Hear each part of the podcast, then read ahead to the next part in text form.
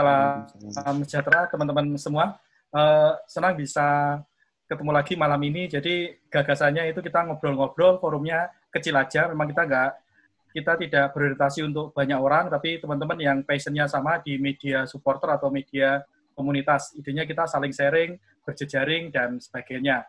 Nanti terima kasih pada Mas Kunto Yoga, uh, salah satu founder Sima Maung yang sudah uh, berkenan untuk berbagi di kesempatan berbahagia di malam ini. Dalam suasana Idul Fitri, saya mengaturkan selamat dari Idul Fitri, mohon maaf lahir dan batin gitu. Jadi teman-teman, flow kita nanti kita diskusi aja nyantai, Mas juga akan mengawali, kemudian langsung sesi tanya jawab. Nanti sesi tanya jawabnya tidak melalui moderator, nggak apa-apa, langsung aja interaktif gitu, langsung aja interaktif. Tapi mungkin biar lebih enak, teman-teman bisa nulis di chat duluan, di chat duluan kalau mau tanya dan sebagainya gitu. Jadi biar mood apa unmute-nya rapi gitu, unmute-nya rapi atau raise hand di menu chatnya gitu. Jadi biar flow kita bisa lebih rapi. Nah nanti Mas Iwi akan membantu kita untuk merekam. Uh, rencananya sih mau diupload di YouTube jika informasinya on the record, on record gitu. Tapi kalau misalnya ada informasi yang off the record, nanti disebut aja informasi off the record. Mas Iwi akan mengedit yang di off the recordnya itu. Begitu kan uh, kepada Mas juga ke kesempatan kami silakan. Monggo Mas juga. Terima kasih teman-teman buat kesempatan yang luar biasa ini. Senang sekali bisa sharing. Uh, semoga kita semua diberi kesehatan di uh, masa yang sedang sangat-sangat menantang ini ya. Oke, okay, um, untuk mempersingkat waktu dan kita bisa lebih banyak diskusi, saya coba uh, sharing saja. Um, saya tidak menyiapkan banyak materi, uh, jadi lebih banyak tanya jawab nanti akan lebih menyenangkan mungkin kalau teman-teman uh, ingin menggali uh, apa pun yang teman-teman coba harapkan bisa digali dari saya ya, uh, dan kami mungkin di Sima Maung. Um, cerita dulu sedikit, uh, ya mungkin kalau secara media uh, resminya kita di 2009 dihitung dari umur domain. Soalnya kita semua lupa uh, kapan kapan tepatnya uh, ini uh, berdiri ya. Waktu itu belum apa istilahnya belum cukup teratur gitu. Waktu awal-awal itu um, kami terpecah uh, lumayan jauh gitu ya. Ada yang di Bandung, uh, web dev kami bahkan lagi ada di uh, Arab waktu itu, Kang Heavy Fauzan. Kemudian cukup banyak juga teman-teman uh, kontributor. Nah, di era itu kalau mungkin teman-teman uh, lihat di media Bandung pun yang digital, uh, waktu itu eranya masih ambil gambar, ambil berita dari media mainstream lokal ya, dari PR, dari Gala Media, dari Tribun, lalu akhirnya di, di post lagi. Yang uh, waktu itu teman-teman semua mau lakukan adalah uh, lumayan berani untuk uh, keluar dari mainstream itu untuk kita mengupdate sendiri beritanya, menulis sendiri, kemudian ada reporter yang uh, turun ke lapangan, ada fotografer yang turun ke lapangan juga. Jadi mungkin kalau akhirnya dirunut ke belakang itu sebenarnya uh, tim apa ya, tim supportnya itu lumayan banyak gitu. Uh, dalam arti kita waktu itu hitungannya belum sampai ke karyawan dan lain-lain gitu.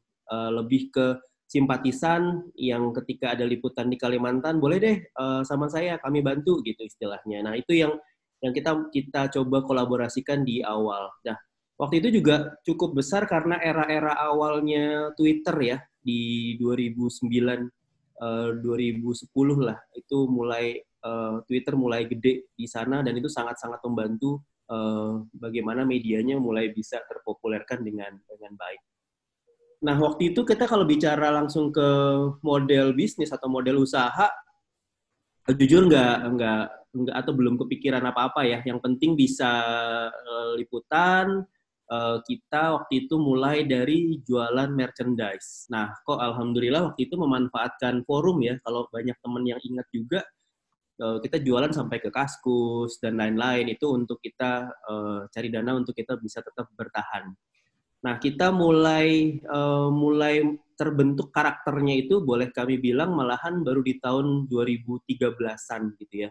Um, di sini kita sudah mulai punya uh, grafis, tim grafis yang uh, khusus, jadi di, terlepas dari tim yang uh, turun ke lapangan, ada tim grafis khusus yang yang menggarap uh, untuk medianya, khususnya untuk media sosial. Lalu kemudian um, mulai era liputan video waktu itu. Waktu itu masih masih boleh ya dapat gambar uh, kita ngambil gambar di di tribun kemudian dipublikasikan itu masih boleh. Tapi kemudian sudah masuk ke mungkin pasca 2015 ya uh, MTech dan lain-lain masuk itu mereka mulai menjaga uh, image videonya jadi akhirnya sudah mulai nggak uh, boleh tuh ada liputan video terkait pertandingan. Nah di sini kami uh, secara bisnis pun mulai mulai mengevaluasi nih karena kita mulai berani untuk apa namanya punya karyawan lebih dari uh, sekedar yang istilahnya liputan. Uh, sudah sudah mulai ada yang di luar founder dan co-founder. Karena waktu itu kita kalau founder dan co-founder uh, boro-boro digaji gitu ya kasarnya gitu. Tapi kita punya semangat untuk ya udah yang penting medianya jalan jalan dulu. Nah tapi ketika kita sudah mulai punya karyawan nah ini udah mulai uh, mulai serius lah gitu secara uh, model bisnisnya nah tapi tetap kita masih klasik waktu itu mikirnya adalah merchandise lagi gitu ya. Kemudian uh, jualan iklan buat di lokal, mulai uji coba kita uh, apa namanya uh, punya punya kerjasama dengan sponsor-sponsor uh, yang waktu itu uh, di luar sponsornya Persib. Nah makanya kalau boleh saya bilang di era 2013 sampai 2015 bahkan 2016 saya ini adalah salah satu orang yang paling sering dipanggil ke manajemen Persib untuk ditegur gitu. Karena waktu itu prinsip kami adalah oh kalau misalnya uh, Indosat jadi sponsornya Persib, ya udah kami tidak akan ganggu gitu. Uh, kami akan jalan ke Telkomsel. Jadi cari kompetitornya. Waktu itu seperti itu prinsipnya gitu loh istilahnya. Jadi makanya uh, siapa pun Persib punya sponsor, uh, kami coba dekati yang kompetitornya. Nah ternyata ini kita dimarahin terus gitu karena har, apa ternyata waktu itu Persib mulai memper, memproteksi uh, image, memproteksi uh, logo mereka dan lain-lain. Jadi sudah mulai di Persib sudah uh, masuk ke era PT ya waktu itu gitu istilahnya. Nah, jadi saya cukup sering di, dimarahi gitu ya karena regulasi terkait ini pun sebenarnya tidak pernah jelas gitu. Uh, kita mau pakai pemain waktu itu uh, ternyata nggak boleh gitu kan istilahnya. Uh, foto doang sama uh, Kim foto sama uh, Atep megang sesuatu uh, begitu kami yang posting kami kena marah gitu nggak boleh dipanggil gitu ya kita istilahnya seperti tapi ketika kita ngelihat di postingan lainnya uh, pemain-pemain itu posting uh, dia sedang foto dengan uh, brand clothing apa pun tidak ada teguran gitu loh. Jadi waktu itu kita ngerasa bahwa mungkin karena di era itu uh, Sima Maung relatif lebih besar dibandingkan media ofisial, jadi mereka mulai uh, merasa terganggu. Nah, tapi ya namanya juga dinamika ya, dan kami juga butuh butuh untuk uh, berkembang terus ya udah kita challenge terus. Apa sih yang boleh apa sih yang nggak boleh dan lain-lainnya nah di era 2016 sampai sekarang mungkin di sini kita boleh bilang kami mulai settle uh, sebuah positioning uh, baru tapi secara media kita melihat bahwa ada banyak disrupsi uh, terhadap website, terhadap media sosial yang klasik gitu ya. Kayak Twitter, sekarang ke mana sih arahnya gitu. Uh, Facebook, kalau boleh dibilang Facebook kami udah lumayan stagnan nih. Di 390 ribu sekian itu udah ber berlangsung selama beberapa tahun udah nggak ada udah nggak ada growth uh, sama sekali gitu. Nah banyak disrupsi. Jadi era era digital pun ada disrupsinya gitu. Jadi kalau dulu orang bilang bahwa oh pindah nih dari media konvensional ke media digital. Itu 2009 2009 sebenarnya. Nah, sekarang sudah 10 tahun akhirnya media digital pun mengalami masa di mana digital itu menjadi sebuah media yang konvensional. Website itu konvensional, Twitter konvensional, Instagram konvensional istilahnya ya. Mulai kita ter terdisrupsi gitu. Makanya kita waktu uh, era disrupsi ini mulai datang, kita mulai coba mengadaptasi gitu. Uh, apa aja sih kebutuhan audiens yang tetap harus kita bisa uh, kejar sesuai dengan kemampuan kita. Misalnya uh, podcast gitu istilahnya. Perlu nggak sih sebenarnya sebuah media uh, supporter atau media komunitas itu untuk punya untuk punya podcast gitu misalnya. Balik lagi, ini nanti kita akan lihat uh, bagaimana kebutuhan si medianya sendiri juga. Nah, tapi uh, intinya adalah kami mengalami disrupsi gitu. Jadi makanya kita tetap perlu tetap perlu berkembang, tetap perlu uh, mencoba merambah ke platform-platform baru. Nah, secara bisnis atau secara perusahaan medianya kita uh, bergerak ke arah kreatif sport agency. Nah, ini yang kita ini yang akhirnya sekarang kita ada di posisi ada di posisi ini seperti itu. Nah, ini dari 2009 sampai 2020 beberapa era yang kita alami baik sebagai media maupun sebagai uh, apa namanya? Uh, bisnisnya gitu istilahnya. Nah, kalau kalau saya sih sebenarnya prinsipnya adalah uh, ini dulu ya, bagaimana kita mencoba untuk membedah uh, potensi yang ada di dalam kita internal dan potensi untuk uh, eksternal. Mungkin kalau gampangnya sih prinsipnya agak mirip seperti yang saya sempat sharing terkait sama uh, konten ya. Jadi uh, istilah saya namanya idea gitu, idea, identifikasi, identify, develop, engage dan kemudian analyze. Ini proses yang tidak pernah berhenti nih teman-teman. Ada satu hal yang kadang kita lupa. Mungkin kalau saya sih boleh sharing bahwa uh, tadi sedikit balik ke atas ya Eh, teman-teman uh, mungkin uh, ambil referensi kaminya di era post 2015 gitu. Jadi era 2009 sampai 2014 itu adalah justru era di mana kami uh, sekolah lah gitu istilahnya belajar gitu. Uh, baik sebagai media maupun sebagai uh, bisnis media gitu. Jadi uh, ini yang akhirnya menjadi pembelajaran buat kami adalah ini gitu loh. Kalau disarikan menjadi ini, identifikasi tim sendiri uh, seperti apa. Saya berapa orang sih di dalam tim, uh, bagaimana sih komitmen mereka gitu ya, apakah semuanya levelnya sama nih, founder, co-founder gitu istilahnya. Kemudian ada nggak ya struktur di dalam tim tim media saya gitu? Oh ada nih uh, alur kerjanya seperti ini dan lain-lain gitu ya. Apa sih yang kita punya mulai dari tim, uh, alat kita punya uh, apa, kemudian siapa saja yang bisa jadi rekanan dan lain-lain gitu ya ini proses identifikasi ini salah satu yang paling paling krusial sebenarnya yang cukup sering dilupakan ketika kita membangun sebuah media gitu. Bagaimana kita uh, seharusnya menghabiskan waktu cukup banyak lebih diidentifikasi dulu baru kemudian masuk ke tahap uh, develop idenya gitu loh, develop produknya, develop uh, kontennya gitu loh. Karena uh, develop konten saya yakin sih teman-teman semua punya kreativitas yang luar biasa gitu. Nah, tapi uh, pertanyaannya adalah ketika kita engage dengan konten itu, kita post uh, media kita, kita mulai publish media kita, uh, kita analyze nggak gitu? Kita uh, analisa ulang lagi nggak apa yang sudah kita post gitu? Apakah kita cukup happy dengan pertumbuhan followers? Apakah kita cukup uh, melihat lebih dalam lagi ke arah, oh uh, ternyata yang follow saya uh, usianya sekian sampai sekian. Nah, jadi proses ini tuh hampir nggak pernah berhenti gitu. Dan kalau boleh saya sharing sedikit dari Sima Maung, kami tuh akhirnya jadi rutin uh, untuk untuk membahas ini gitu. Uh, planning, uh, kemudian uh, ada apa saja nih di depan, apa saja yang jadi kendala kita dan lain-lain gitu ya. Nah ini yang akhirnya tadi di dalam ini di proses identifikasi ini yang uh, akhirnya cukup cukup lama gitu loh. Bahkan ketika di masa pandemi sekarang pun kita tetap seperti ini gitu uh, mengoptimalkan uh, online uh, meeting dan lain-lain tapi tetap nih brainstorming untuk mengidentifikasi apa saja potensinya, apa saja yang bisa kita garap, gimana sih audiens kita dan lain-lain gitu. Nah, kalau di kami itu ada mungkin Ripan ya, ada di grup ya.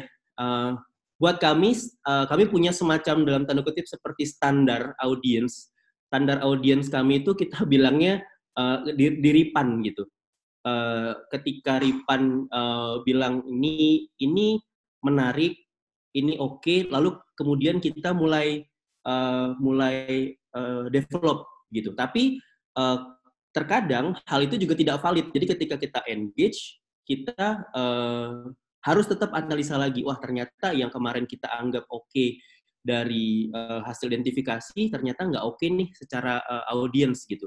Nah, ini yang prosesnya nggak pernah berhenti nih, teman-teman. Jadi, kalau kita linear saja, mungkin itu menjadi salah satu pembelajaran lah. Itu pembelajaran kami dari 2009 sampai 2014 atau 15 tadi. Kita cenderung bergerak uh, linear gitu ya.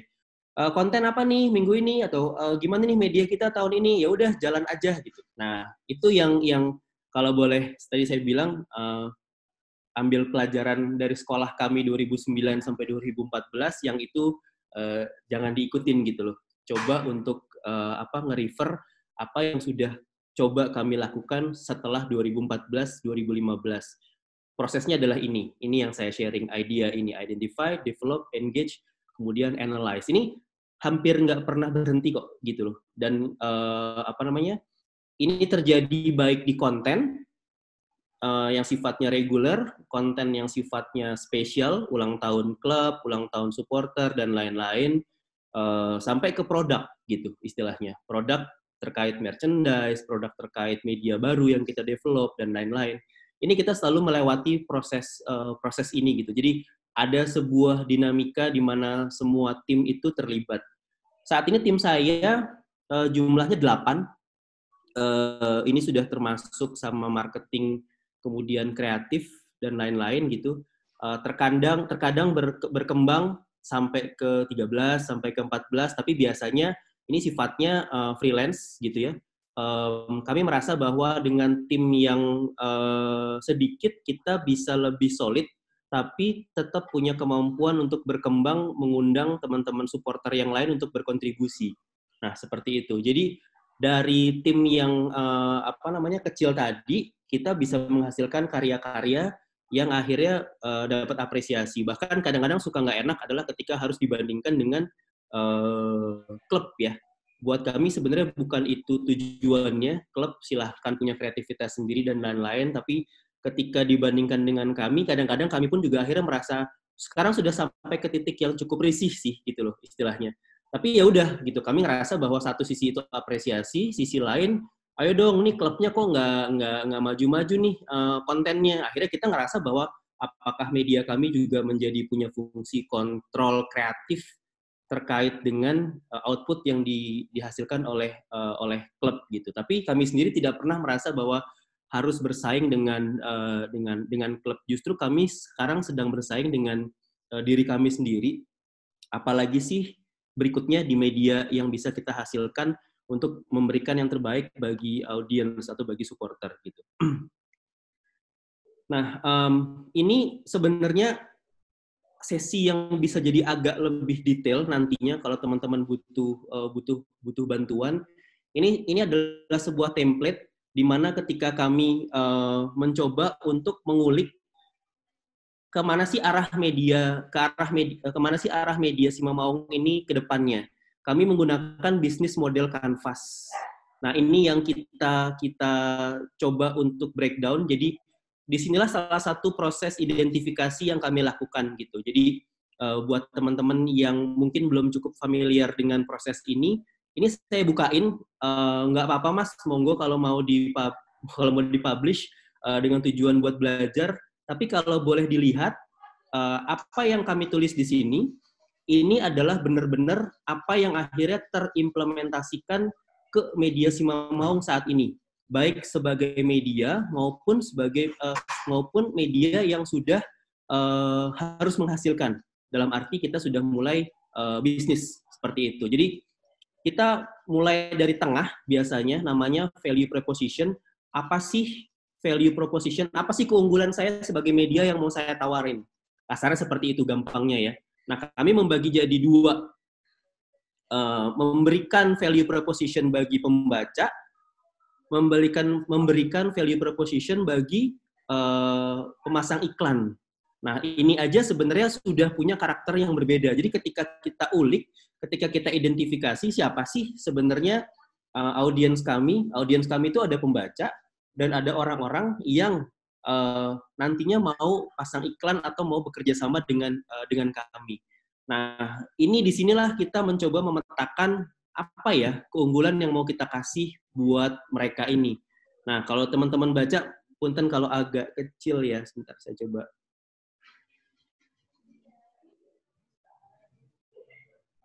Saya mas.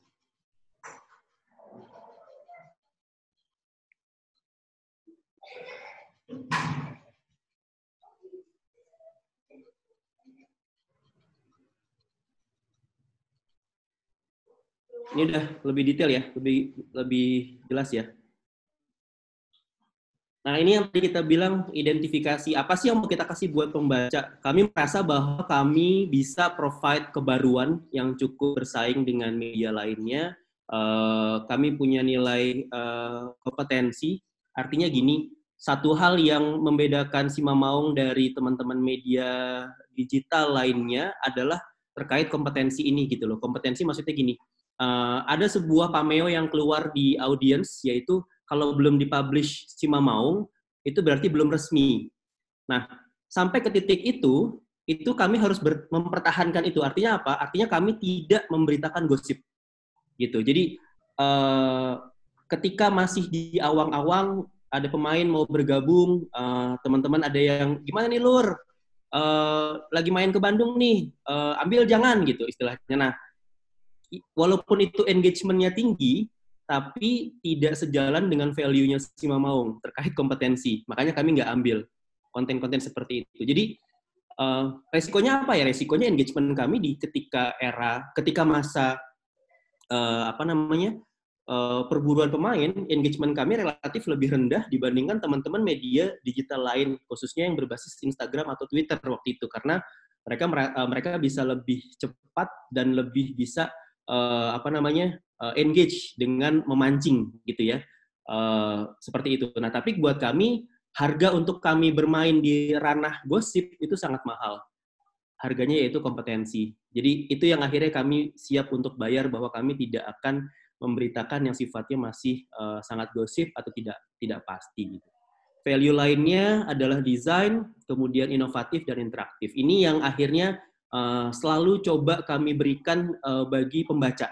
Nah, ini ini kalau tadi di kolom mana isinya di kolom value proposition. Nah, ini yang akhirnya menjadi komitmen sih gitu kalau buat kami gitu. Jadi uh, ada satu orang di tim uh, kami terkait dengan uh, podcast gitu misalnya itu dia sangat idealis karena dia tidak mau suaranya ada kersekannya dan lain-lain dan lain-lain gitu. Nah, saya uh, akhirnya walaupun secara produksi akhirnya lambat tapi akhirnya selalu pengen perfect.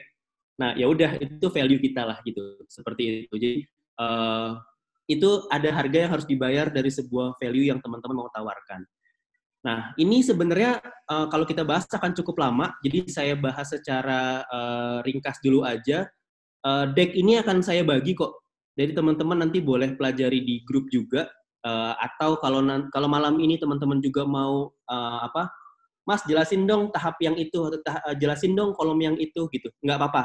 Cuman buat saya saat ini ini sifatnya lebih ke uh, pengetahuan secara umum dulu bahwa ini adalah metode yang kami pakai untuk mendesain uh, Sima Maung untuk bisa settle sebagai uh, media dan juga uh, bisnis. Ini namanya bisnis model canvas cukup umum untuk diimplementasikan dan kebetulan ini adalah yang kami lakukan. Jadi ini benar-benar adalah uh, bisnis model kanvasnya si Mamau.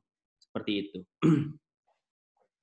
Nah, akhirnya outputnya keluar keluarnya seperti ini, gimana kita memadukan kreativitas dengan data gitu. Nah, um, ketika kita memetakan tim uh, di tim saya itu kebetulan juga ada orang yang secara desain dia nggak mau sama setiap musim, jadi setiap musim harus punya uh, gaya desain yang berbeda. Bahkan sempat kalau lagi kumat uh, paruh paruh satu sama paruh dua dia udah pengen update gitu karena misalnya gaya yang kemarin akhirnya udah cukup banyak yang pakai, ya udah kita ganti gaya lagi di paruh uh, di paruh kedua.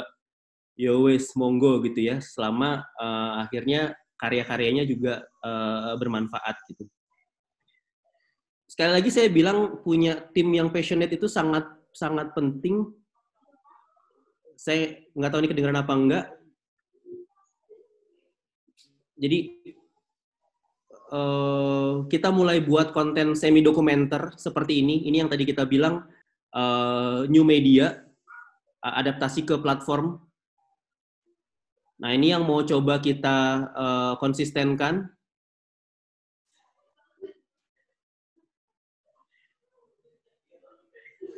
konten-konten seperti ini yang mungkin kalau buat saya value-nya adalah ya tim gitu. Saya punya saya punya tim yang uh, mengerjakan segala sesuatunya dengan sangat dengan sangat uh, pakai pakai hati lah gitu loh istilahnya. Jadi agak agak idealis lah. Mungkin akhirnya seperti itu. Gimana cara nyari mereka? Alhamdulillah dipertemukan saja lah. Jadi kalau saya jujurnya nggak bisa ngasih tips ya, karena akhirnya mereka yang yang uh, ada dan akhirnya berjodoh. Jadi boleh boleh saya bilang saya dengan mereka berjodoh. Um, buat teman ketahui juga turnover di media Simamaung itu sangat kecil. Jadi tim yang kami punya sekarang itu adalah tim yang bertahan dari tahun 2014 gitu. Tidak ada yang resign sampai sekarang. Ini buat buat saya pribadi uh, uh, sesuatu yang saya syukuri artinya sesuatu yang oke okay, mereka udah paham banget uh, sama si Mamaung. Tapi bagi saya sebagai leader akhirnya punya sebuah tanggung jawab. Kalian betah-betah banget sih di perusahaan ini sementara kita ya balik lagi ya secara perusahaan uh, belum menjadi sebuah perusahaan yang uh, spektakuler lah. Artinya saya belum bisa memberikan yang luar biasa bagi mereka secara penghasilan. Tapi mungkin yang mereka cari mereka temukan ada di sini gitu loh jadi balik lagi uh, saya punya tim ini sudah ada sejak tahun 2014 ya uh, alhamdulillah sampai sekarang uh, belum ada yang uh, yang resign gitu. Semoga nggak ada dan semoga bisa bertahan telah melewati uh, masa ini. Konsistensi menjadi cukup penting, baik konsistensi secara desain, tampilan maupun um, frekuensi ya gitu. Kita mencoba untuk mempertahankan misalnya sehari kita posting satu gitu untuk video. Nah itu yang coba untuk kita untuk kita jaga gitu. Nah kebetulan kalau secara tampilan kami juga coba untuk untuk pertahankan di sana. Tantangan buat kami adalah sama nih lagi-lagi gitu ya. Kebetulan kalau di YouTube kan kita juga bisa punya AdSense. Uh, saya tidak menyalahkan teman-teman, bukan tidak menyalahkan ya. Kita bisa jadi punya mazhab yang berbeda terkait uh, cara memilih judul. Itu aja sih kebetulan cara kami memilih judul seperti ini gitu. Ada teman-teman lain yang memilih judul yang cukup provokatif, tapi kalau buat kami akhirnya um, tidak cocok. Tidak cocok bukan berarti bahwa audiensnya tidak menerima, tapi lebih ke ya tadi saya bilang uh, di tim saya punya idealisme yang aduh pak enggak deh uh, daripada judulnya kayak gitu mendingan nggak usah posting. Nah sampai kayak gitu gitu loh istilahnya. Uh, ya udah oke okay uh, ya konsekuensinya pendapatan kita secara AdSense tidak sangat spektakuler juga, tapi oke. Okay, ada value lain lah yang akhirnya kita coba untuk uh, dapatkan dari uh, dari sini. Um, ini inovasi jangan berhenti teman-teman. Ini kita sempat menerbitkan media cetak juga. Ini di awal 2019 kalau nggak salah. Uh, boleh dibilang ini kalau secara grafis, tampilan dan lain-lain oh, oke, okay, tapi ternyata effortnya besar gitu ya. Jadi akhirnya tadi kita bilang idea, uh, identify, develop, engage, kita publish, kemudian kita analisa nih. Wah, ternyata dengan tim yang ada dan kemudian dengan effort sebesar ini, ini nggak uh, nggak worth lah gitu istilahnya untuk kita keluarkan. Misalnya kita akhirnya punya model bisnis ini menjadi salah satu yang keluar sebulan sekali. Misalnya seperti itu uh, atau ini keluar dua bulan sekali gitu. Nah ternyata itu buat kami sampai waktu itu ini tidak cukup worth. Tapi secara inovasi, oke, okay, ya udah kita kita kita buat dan akhirnya kita kita luncurkan juga. What's next? Apa selanjutnya, teman-teman? Buat kami berikutnya adalah kita sampai di era uh, kolaborasi, di era Avenger gitu ya. Kalau sekarang uh, pahlawan terbang-terbangan sendiri filmnya udah nggak laku gitu. Uh, lebih laku kalau teman-teman akhirnya ngumpul semua banyakkan kita jadi Avenger lah gitu istilahnya. Nah sama kebetulan kami juga berpaham berpemahaman seperti itu. Uh, istilahnya yang kebetulan ada ternyata ada istilahnya the future is co the future is collaboration gitu. Ini uh, istilah dari seorang dosen juga di uh, teknologi pangan di Pajajaran uh, the future is co Pak Dwi Indra Purnomo yang bilang gitu ya. Nah akhirnya udah kita kita ternyata menuju ke sini. Jadi kalau kita berpikir bahwa hmm, the future is co, ternyata future come sooner gitu ya, sekarang gitu ya. Jadi uh, the present is collaboration. Ini kita uh, apa? mulai menjajaki untuk berkolaborasi dengan teman-teman di brand di brand lokal gitu istilahnya. Yang kiri itu sudah rilis es kopi Maung. Yang lainnya kami sedang menunggu potensi-potensi uh, kerjasama lainnya. Jadi kami merasa bahwa oh tadi kita punya model bisnis uh, pasang iklan atau paid promote Nah, uh, di era seperti ini tentunya berat bagi brand untuk uh, pasang iklan lah seperti itu ya. Tapi kalau diajak berkolaborasi, di mana kita uh, bisnisnya bisa berbasis pada performa, artinya kalau produknya laku kita uh, dapetin revenue sharing, kalau nggak laku ya oke, okay. Investasinya berarti kita sudah uh, bantu mereka promosi seperti itu. Nah, kami merasa bahwa ini adalah future. Ini mungkin bukan hanya terkait bisnis, tapi juga terkait konten nantinya uh, kami merasa bahwa konten kolaborasi itu akan menjadi cukup cukup penting gitu ya. Dan ini kalau saya sih sempat ngobrol dengan uh, Viola juga gitu loh istilahnya. Ya, sepertinya memang arahnya ke sana ya, ke arah kolaborasi gitu loh. Nah, teman-teman saat ini sudah ada 30 lebih media, 40 lebih orang yang ada di dalam forum ini, um, apa nih yang akhirnya bisa dikolaborasikan gitu loh. Kami dari Simamaung sangat sangat terbuka um, dan ya tentunya bentuk kolaborasi itu tidak lagi-lagi tidak selalu terkait sama bisnis, bisa terkait co-creation content, bisa juga terkait ya seperti ini kita uh, apa sama-sama belajar gitu, yang akhirnya uh, ujung-ujungnya kita bisa meraih sesuatu yang lebih baik bagi bagi kedua belah pihak gitu istilahnya. Nah ini buat kami adalah uh, future yang sedang kami coba kejar sekarang. Uh, ini inisiatif ini baru banget kami rilis kalau nggak salah dua hari yang lalu ya dua hari yang lalu dan sekarang tuh sudah ada lebih dari 30 brand yang mengajukan untuk kolaborasi. Nah di batch satu ini kami akan batasi dulu supaya bisa fokus ke brand-brand yang kami bantu untuk kita buatkan produk uh, produk kolaborasinya seperti itu teman-teman.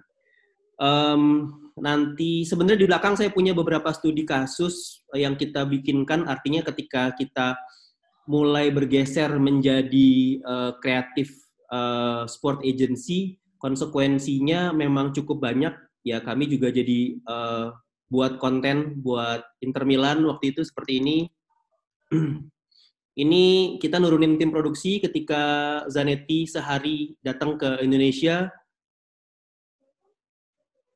Um, kontennya dipublish di Inter Milan uh, waktu itu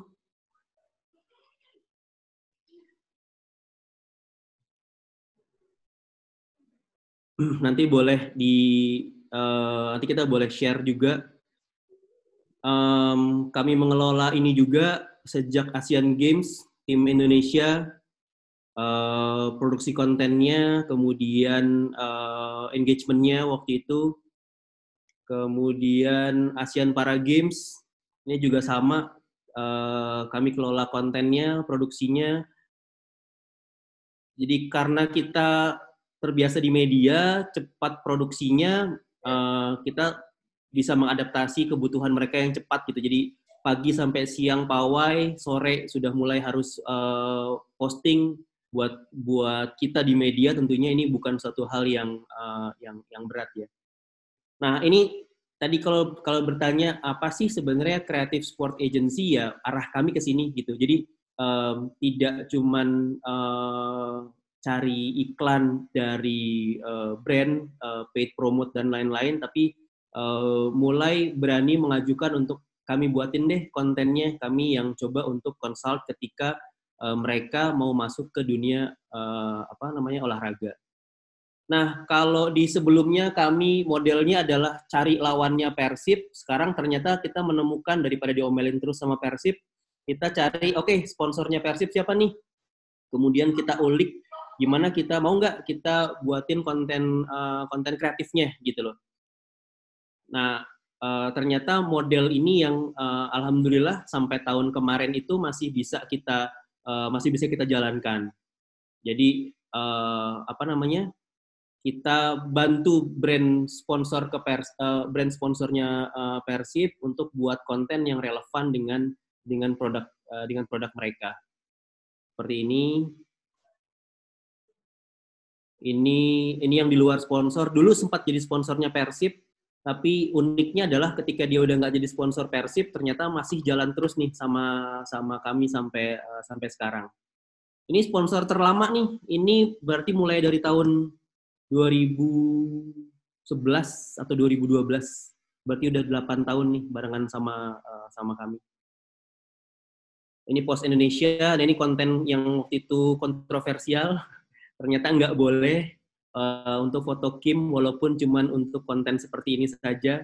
Ini yang tadi saya bilang di era ini saya bolak-balik dimarahin uh, sama uh, ditegur lah sama manajemen uh, Persib. Tapi ya prinsipnya mungkin lebih baik minta maaf daripada minta izin ya. Buat saya waktu itu gitu istilahnya. Jadi akhirnya kita uh, tetap jalan. Begitu mungkin teman-teman uh, sharing saya terkait Sima Maung uh, singkatnya. Monggo kalau ada uh, pertanyaan. Yuk, terima kasih Mas Yoga, luar biasa. Kita mulai sesi tanya jawab biar flow-nya enak gitu. Silakan teman-teman raise hand atau nulis di menu chat ya. Antri untuk bertanya. Ini udah ada Mas Irfan dari Balikpapan Football. Monggo Mas, kesempatan pertama kepada Mas Irfan dari seberang pulau. Silakan di unmute sendiri yang kebagian.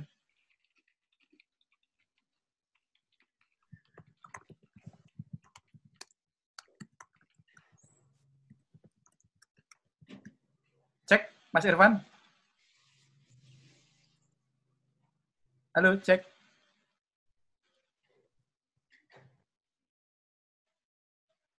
Halo.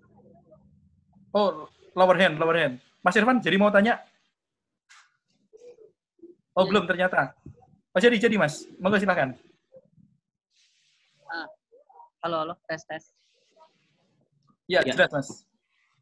Oh, ya. Uh, selamat malam. Halo, Mas. Ya. Uh, jadi gini, uh, sebelumnya kan saya juga sering tuh mantau uh, akun Sima Mau. Kebetulan juga ada teman dari salah satu komunitas Liverpool juga di salah satu uh, tim tim mau si Mas Robi. Jadi sering mantengin tuh. Iya. Yeah.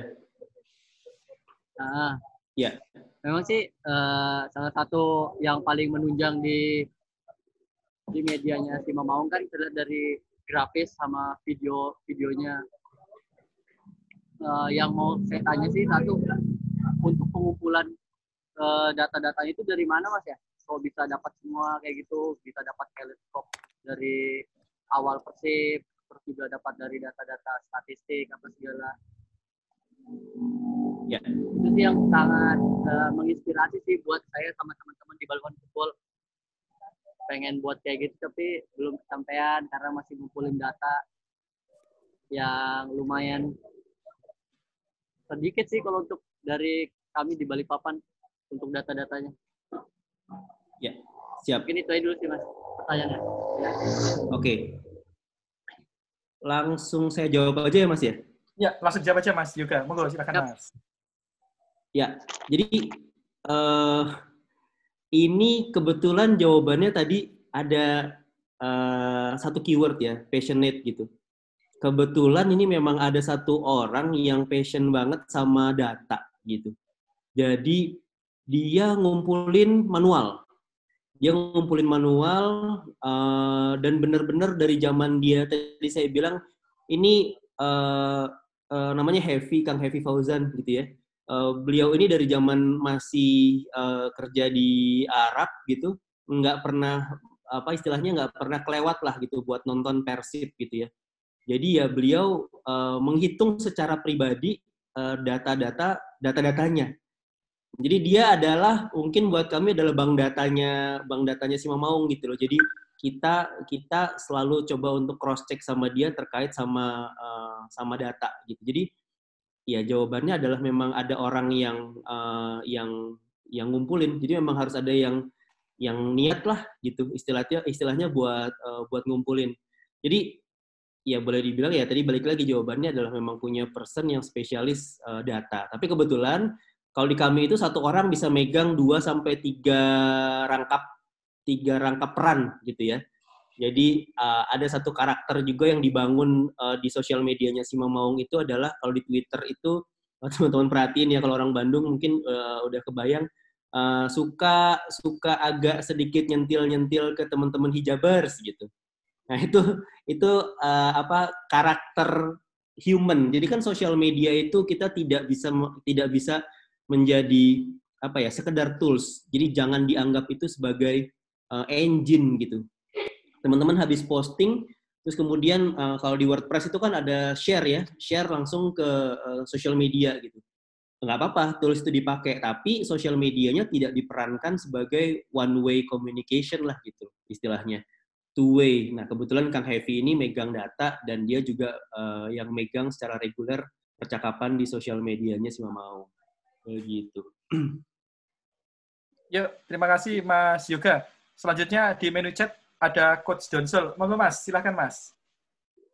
Halo, selamat malam semuanya, Pak Yoga, juga teman-teman semua. Perkenalkan saya Doni Zola, Donzol. Uh, ini terkait dengan uh, media di masa pandemi nih Pak. Kebetulan uh, saya juga mengelola media, tapi mungkin bukan sepak bola, lebih ke futsal uh, yang pasti sih orang-orangnya udah tinggal berdua aja nih sekarang nih saya nih. Bertiga sorry bertiga. Karena memang uh, tadinya mereka itu ngumpul di Jakarta semua.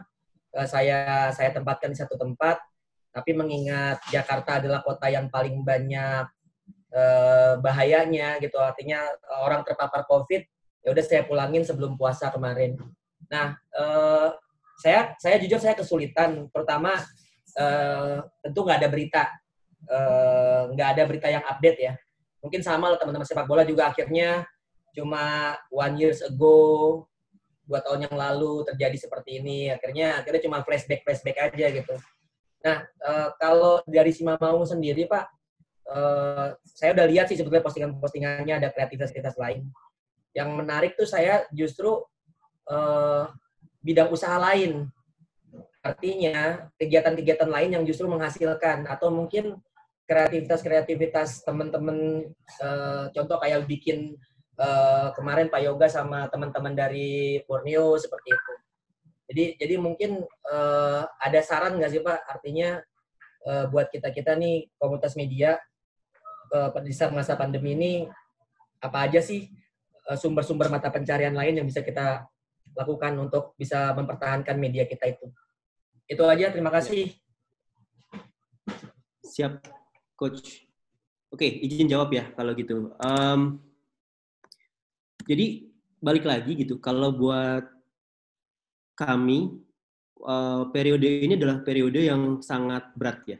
Uh, kita pernah berhenti di 2015 waktu itu uh, uh, kompetisi berhenti, tapi perekonomian tidak berhenti waktu itu. Jadi uh, apa namanya? Alhamdulillah uh, ada aja peluang yang masih bisa kita kita jalanin atau kita coba untuk uh, gali lah gitu karena perekonomian tidak berhenti. Nah, uh, tantangannya di sekarang adalah kompetisi berhenti sehingga secara konten kita uh, agak PR. Yang kedua, uh, perekonomian pun juga sama uh, terdampak uh, terdampak juga gitu. Nah, uh, apa sih yang kita coba cari? Jadi balik lagi sama prinsip kami adalah uh, idea. Kebetulan kalau saya mencoba merangsang teman-teman di tim itu untuk mau berpikir uh, apa ya kritis dan analit analitis gitu istilahnya untuk sama-sama menggali peluang nih apa aja sih gitu. Nah kalau saya biasanya akan memandu mereka. Jadi misalnya kita meeting kayak gini, uh, kita ngobrol kayak gini, kemudian saya nyalain uh, di, di di komputer saya itu aplikasi uh, mind mapping. Nah, itu benar-benar kita bikin mind map aja. Kita bikin mind map untuk memetakan jalan mana yang masih bisa kita masih bisa kita lewatin sih gitu loh istilahnya di kondisi yang seperti sekarang.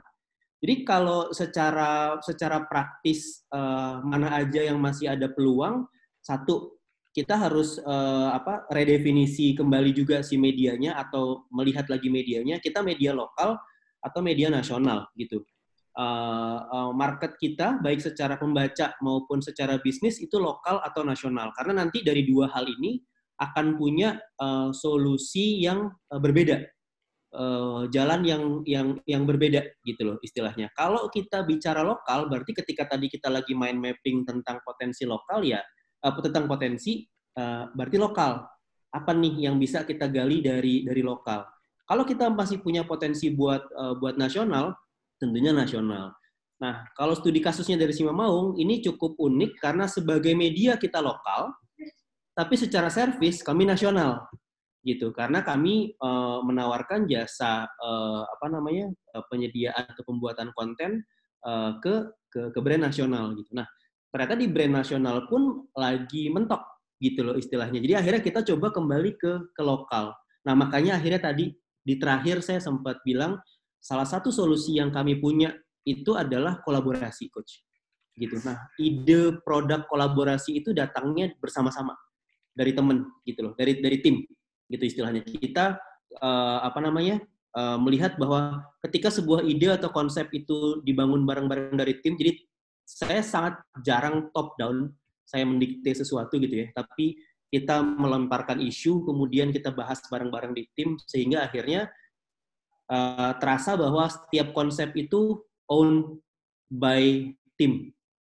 Nah, saat ini sih saya boleh bilang bahwa kami lagi punya jalan di kolaborasi. Tapi apakah ini satu-satunya jalan? Atau apakah ini akan berjalan? Jujur kita belum tahu, Coach.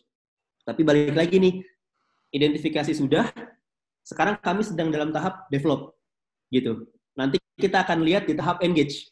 Baru kemudian kita analisa kembali seperti itu. Apakah uh, produk kolaborasi ini akan cukup sukses atau enggak? Secara matematika, ini potensial bagi kami untuk selamat di periode sekarang, gitu. Uh, salah satu harapannya adalah ya tentunya balik lagi ya kita uh, dilemanya adalah uh, kita di di industri ini uh, tentunya cukup dekat dengan harapan bahwa liga akan kembali bergulir sehingga beberapa potensi yang biasanya juga datang uh, itu akan uh, datang juga gitu loh istilahnya. Tapi di sisi lain kita tentunya juga uh, sangat berharap protokol keselamatan uh, baik untuk pemain khususnya buat buat buat pemain yang bermain ya. Jangan sampai jangan sampai uh, terabaikan lah gitu loh istilahnya. Nah, ya dilemanya di situ tapi daripada menunggu liga jalan, kami mencoba untuk berinisiatif dengan kolaborasi. So far sih itu yang kami jalankan. Oke. Ya, terima kasih Mas Yoga. Ini antri bertanya dari Mas Geri, Mas Arista, kemudian Mbak Vi, Mbak Viola, secara tertulis yang saya sampaikan, kemudian Mas Irfan. Monggo Mas eh, langsung dua-dua aja ya biar cepat Mas biar lebih enak maksud saya. Mas Geri dan Mas Arista. Monggo silakan Mas Geri dan Mas Arista. Selain oper-oper Malam Pak Yoga. Selamat malam, akhirnya ketemu ya. ya Pak, uh, mau izin Pak, Eh, saya Gary dari uh, eh, PSSI. Mau tanya nih Pak, kan saya juga butuh insight gitu dari uh, teman-teman apa media supporter gitu Pak. Kan si Maung itu kan sebagai media supporter yang terkenal Pak dari dulu gitu Pak. Saya kan orang Bandung juga gitu, jadi tau lah gitu. Yep. Terus kan di satu sisi juga uh, bisa disebut juga apa si Maung itu kan sebagai influencer maksudnya setengah uh, bagian dari mereka adalah bagian dari supporter, tapi satu sisi juga representasi dari klub yang maksudnya bisa dipercaya oleh supporter karena punya banyak uh, pengetahuan uh, lebih dari supporter gitu maksudnya soal klub punya banyak pengetahuan gitu. Nah yang pengen saya tahu uh, itu itu kan sebagai organisasi pak ini kan saya sebagai PSSI yang misalkan atau nggak misalkan nanti dari teman-teman klub juga misalkan butuh insight. Kalau dari Pak Yoga pak insightnya uh, gimana sih cari uh, apa cara dari organisasi atau dari klub uh, untuk nge-approach gitu. Maksudnya ngajak uh, media klub ini berkolaborasi gitu, bareng gitu. Malah jangan apa malah jangan kayak apa ya, bersinggungan gitu. Misalkan tadi Bapak sebut Persib sama Sima Mau gitu. Maksudnya antara itu tuh ada ada kolaborasi gitu. Nah, saya butuh insight itu gitu, Pak. Maksudnya kan sekarang kan udah zaman digital banget ya Pak. Sekarang tuh bahkan udah ada influencer marketing dan mungkin uh, si Maung itu adalah influencer untuk uh, supporter atau maksudnya consumer dari atau ya fans dari Persib Bandung ya Pak. Nah, saya butuh insight soal itu aja sih, Pak. Kayak gitu. Siap. Yuk, Mas, Ambil sekalian Mas Mas Arista ya. Ma- Mas Arista, moga Mas Arista. Ya, malam Mas Yoga. Malam Mas. Eh, aku mau nanya soal konten yang di Simamong itu kan tadi ada identity, identify, develop, engage, sama analyze ya. Nah, eh, misalnya konten yang works itu apakah bakal diulang lagi dan kalaupun diulang itu sampai berapa kali? Dan misalnya konten tidak work itu apa juga akan diulang untuk mencari oh ini nggak worknya kenapa terus dimodif lagi atau emang ditinggalkan? Itu aja sih. Oke. Oke, siap. Oh, Saya mulai dari feedback Mas. Ya, siap. Saya mulai dari Mas Gary dulu ya. Em, ini eh, tricky, Eh, apa? Tricky dalam arti gini, eh, bukan bukan menjebak ya, tapi memang eh, bagaimana bagaimana akhirnya menciptakan sinergi antara eh, boleh kita bilang sebagai eh, regulator eh, resmi gitu ya, eh, dengan dengan media yang yang yang mengitarinya. Nah, eh, inisiasi inisiasinya ini yang sebenarnya kita kita lihat mungkin belum belum ada gitu. Jadi step step pertama memang kita harus selalu mau mencoba untuk mendengarkan mendengarkan ya. Ini tuh adalah sebuah awal yang baik bagi kita untuk silaturahim media supporter. Nah, tapi apakah langsung tercipta formula dari sini? Enggak, belum tentu, belum tentu. Saya nggak bilang enggak ya, belum tentu gitu. Jadi saya saya rasa pun juga prosesnya akan sama ketika PSSI mencoba, ketika PSSI juga uh, mencoba untuk bersinergi, berkolaborasi dengan dengan dengan media supporter, memang harus harus ada sebuah inisiasi gitu. Nah, inisiasi ini yang kemudian akhirnya kalau buat saya lagi-lagi ya, uh, bukannya jualan konsep ya, saya nggak jualan buku juga, idea tadi gitu. Kita identifikasi lagi dulu nih apa sih isu antara regulator dengan dengan media supporter, dengan media supporter. Ada nggak sih sebenarnya sebuah isu gitu? Atau memang selama ini ternyata silaturahim itu uh, belum belum terjalin Uh, karena mungkin kita nggak tahu sosok-sosok di baliknya ternyata siapa siapa saja gitu. Tahun lalu ya uh, Mbak Viola ya kalau nggak salah tuh 2018 ya uh, apa namanya operator uh, eh tapi saya nggak tahu ya Mbak itu benderanya operator atau bukan uh, mencoba untuk bertemu dengan teman-teman uh, media. Nah 2018 saya rasa ya 2018 ya. Nah itu sebuah gestur yang sangat baik sih saya rasa gitu. Nah, gestur ini kan boleh dibilang tidak kelihatan gitu. Uh, artinya ketika PSSI digitalnya secara konten semakin uh, semakin menarik, uh, tapi di belakang di belakang layar memang uh, perlu juga ada sebuah aktivitas yang boleh kita bilang ya tadi nih ngebangun silaturahimnya itu ternyata um, masih masih perlu gitu loh. Cukup manual untuk untuk dilakukan. Um, kalau kami dengan Persib, jujurnya uh, hikmah saya sering dipanggil dan ditegur, ya. Akhirnya jadi kenal. Mungkin berawal dari situ sih. Waktu itu uh, yang sangat sering manggil saya dan uh, menegur saya itu adalah uh, uh, Pak RAW, Pak Risha Adiwijaya gitu loh.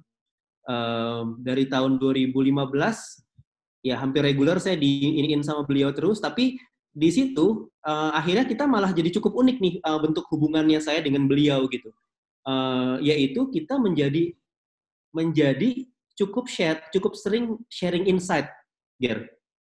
Jadi saya waktu itu uh, media digital Persib tuh belum belum cukup aktif seperti sekarang uh, akhirnya beliau nanya gitu loh harus ngapain lagi sih Kang harus ngapain lagi sih Kang nah akhirnya diomelin iya tapi ditanya insight iya juga gitu. Jadi ya ya udah selama saya bisa jawab dan uh, apa namanya ya tadi saya selalu berharap bisa ngebantu uh, klub ya akhirnya kita kita coba buat buat jalanin. Nah saya ngerasa kok jalannya memang perlu agak manual ya Ger gitu.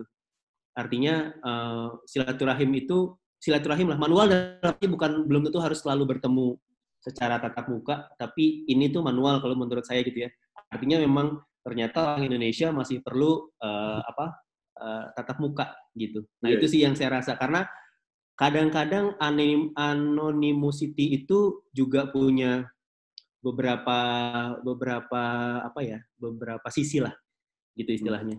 Nah, mungkin uh, apakah Gary bisa uh, sebagai sebagai uh, apa namanya oper, uh, regulator gitu ya akan bisa menyentuh Mas Mbah Mafia Wasit gitu misalnya ya uh, ataukah memang sampai ke situ harapannya untuk bisa bersinergi berkolaborasi dengan beliau atau memang beliau di, mem, akan memposisikan diri sebagai uh, apa namanya yang akan menjadi check and balance-nya sepak bola seperti itu.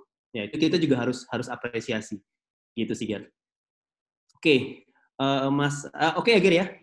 Kita lanjut dulu okay, ya ke ke Mas Arista uh, content works dan konten yang nggak works. Oke. Okay. Uh, tadi saya sempat singgung sedikit juga, Mas. Konten yang works itu uh, biasanya akan kita pertahankan akan kita pertahankan uh, artinya terjadi pengulangan ya Artinya di situ kita ada ada uh, ada pola yang kita pertahankan. Jadi gini, biasanya sebelum musim berjalan itu uh, tim akan uji coba beberapa template, Mas. Gitu.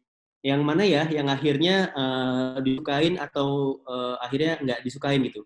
Atau jenis konten mana yang akhirnya uh, dapetin engagement cukup baik gitu ya, dapat apresiasi cukup uh, oke. Okay. Lagi-lagi analisanya kita bisa uh, kuantitatif kalau digital kita bisa lihat engagementnya kita bisa lihat uh, potential reach-nya dan lain-lain gitu nah konten yang works akhirnya kita ulang gitu nah konten yang nggak works itu sebenarnya masuk ke dalam semacam kalau buat kami ya masuk ke dalam semacam uh, recycle bin bank data lah kita tidak tidak buang sepenuhnya Uh, tapi itu kita masukkan ke dalam ke dalam sebuah sebuah tempat di mana akhirnya ketika kita lagi butuh ide yang cukup uh, cepat itu salah satunya bisa ke sana. Nah um, ini agak agak uh, trik sebenarnya bagi kami. Jadi kadang-kadang ide-ide yang tidak terpakai di Simamaung itu ternyata malah oke okay buat brand mas. Nah gitu.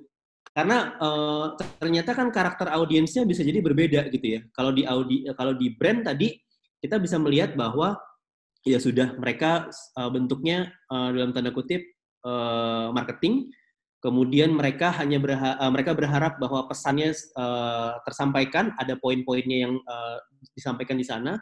Kemudian ketika kita implementasikan pada gaya desain kita yang yang ternyata tidak diterima dengan baik oleh audiens, ketika dimasukkan ke brand kok malah oke. Okay. Nah, selama itu tidak diposting di media kita, gitu sih mungkin akhirnya kita uh, pakai untuk kita posting di media uh, mereka. Nah, ini kadang-kadang untuk solusi ketika kita butuh ide cepat aja sih mas, gitu. Tapi kebanyakan dari konten yang akhirnya di masa uji coba tidak perform dengan baik, kita sendiri juga tidak pakai lagi, gitu sih mas. Jadi akhirnya kita uh, ya istilahnya kalau di digital tuh namanya A/B testing ya, A/B testing gitu. Yang mana yang work, yang mana yang enggak, yang work kita terusin.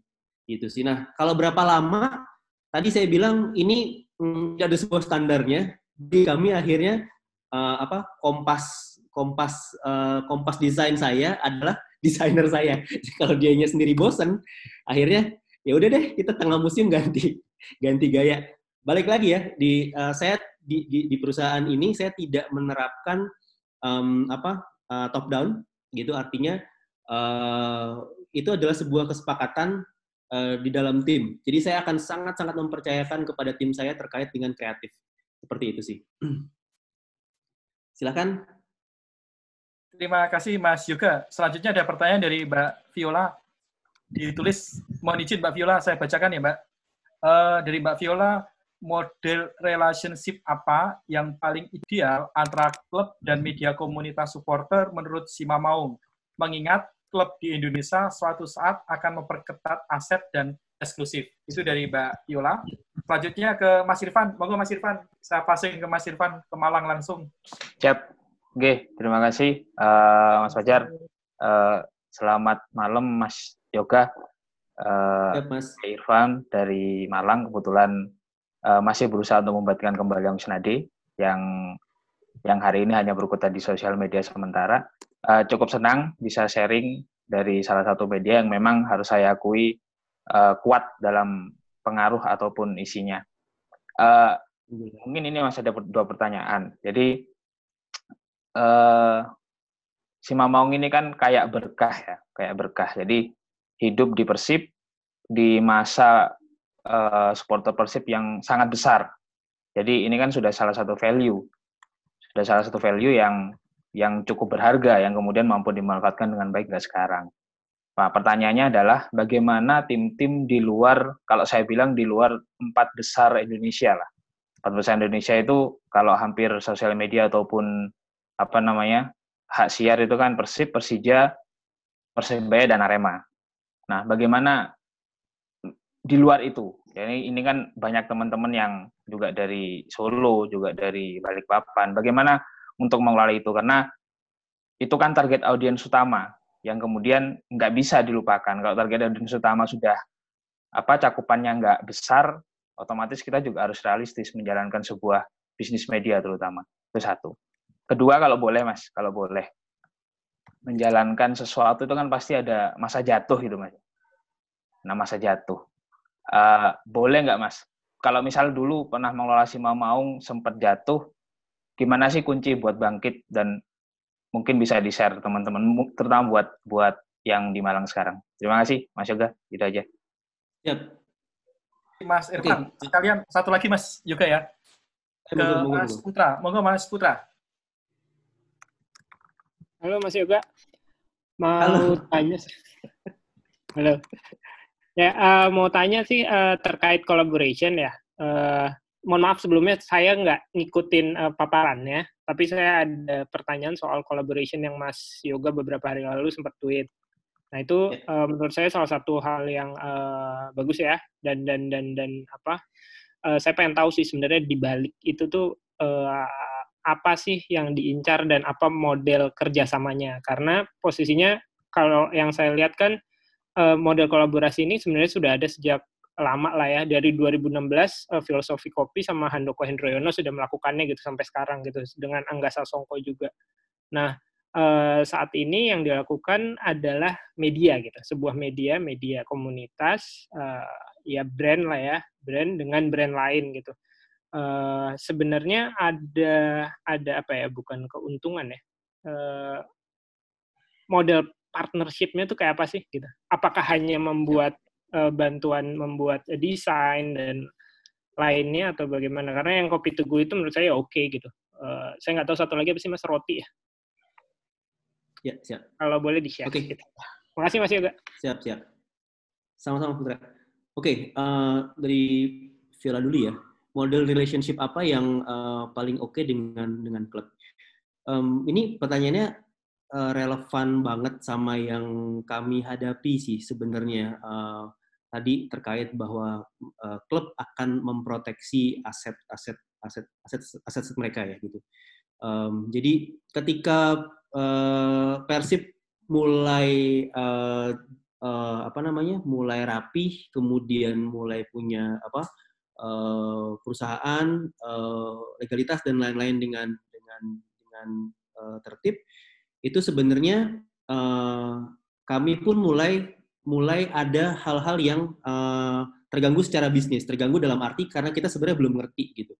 Yang pertama terkait dengan penggunaan uh, logo, kemudian uh, penggunaan uh, aset. Uh, aset itu luas ternyata menurut pengertian atau menurut uh, apa namanya penjabaran dari dari Persib. Jadi ya lagi karena saya sering diomelin jadi apa kuliahnya berulang itu terus ya Kang ini nggak boleh ya ini aset kita dan lain-lain dan lain-lain dan lain-lain. Nah uh, di situ saya melihat bahwa ada satu poin yang uh, miss itu adalah uh, edukasi dulu sih sebenarnya. Ini juga sedikit me, me, menjawab Gary tadi ya gimana gimana kolaborasi ya. Itu ter, pertama terkait edukasi sih. Jadi uh, ada baiknya memang klub pertama itu mencoba untuk mengundang. Jadi uh, kalau menggait itu agak lewat stepnya ya. Tapi pertama mengundang dulu uh, silaturahim dulu dengan teman-teman media gitu. Uh, terutama mungkin media digital yang cukup cepat. Nah, di situ di situ bisa diceritakan sebenarnya apa sih filosofinya, uh, apa sih do's and don'ts-nya gitu. Nah, ini nih nggak pernah ada jujurnya kalau buat kami di Bandung saya tidak me, tidak bisa mewakilkan uh, semua uh, klub ya gitu. Cuman di kami di Bandung itu tidak ada.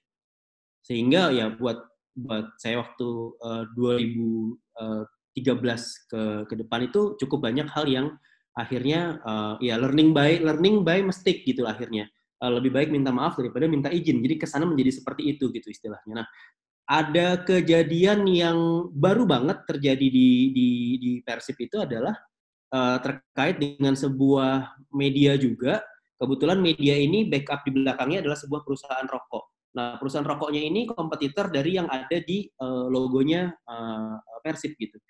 Nah, ternyata menampil ketika dia membuat sebuah berita, uh, kalau nggak salah liputan tandang dipersembahkan oleh uh, brand rokok tersebut gitu ya. Nah, itu ternyata nggak boleh. Nah, ini kan um, balik lagi kita mungkin juga perlu dapat edukasi juga bahwa kalau sebenarnya hak atas foto pemain itu ketika dia bertanding tandang pula, itu sebenarnya punya siapa sih? Liputan ya, liputan nih. Bukan kita foto pemain itu secara khusus, kemudian membranding dengan uh, produk yang kebetulan kompetitor. Nah ini sempat uh, kejadian bahkan sampai ke arah somasi. Nah ini yang kalau menurut saya uh, apa namanya proses edukasi edukasi awalnya yang memang akhirnya perlu kita sama-sama sama-sama bangun. Tapi kebetulan karena proses yang tadi saya cukup ikutin, mungkin akhirnya si mau berkesan uh, sudah relatif rapi. Tapi buat yang nggak tahu, ya tadi kita udah ngelewatin proses diomelin dulu gitu loh. Nah, apa sih yang akan oke okay ke depannya? Ya tentunya pertama kita harus tahu aturan mainnya dulu dari klub seperti apa gitu. Uh, do's and don'ts-nya uh, di, di, dijabarkan dengan dengan dengan baik juga gitu. Yang kedua, uh, akhirnya saya ngerasa bahwa cukup penting untuk klub itu memverifikasi media yang terafiliasi dengan mereka. Uh, tujuannya buat apa? Tujuannya ya tentunya buat tadi kita tahu siapa sih penanggung jawab media tersebut. Jangan sampai misalnya gini, um, saya uh, saya saya pegiat media sosial, uh, saya bisa bikin konten uh, bagus, orang-orang pada suka, lalu follower saya banyak, lalu saya uh, klaim bahwa saya media yang terafiliasi untuk memberitakan uh, klub ini. Tapi lalu kemudian saya melakukan hal-hal yang uh, tadi tidak tidak ternyata tidak boleh dilakukan oleh uh, media di, di, di sekitarnya. Nah, tapi ketika akhirnya si klub menegur, misalnya dia hanya DM ke akun saya gitu loh misalnya, saya bisa aja nggak jawab, gitu.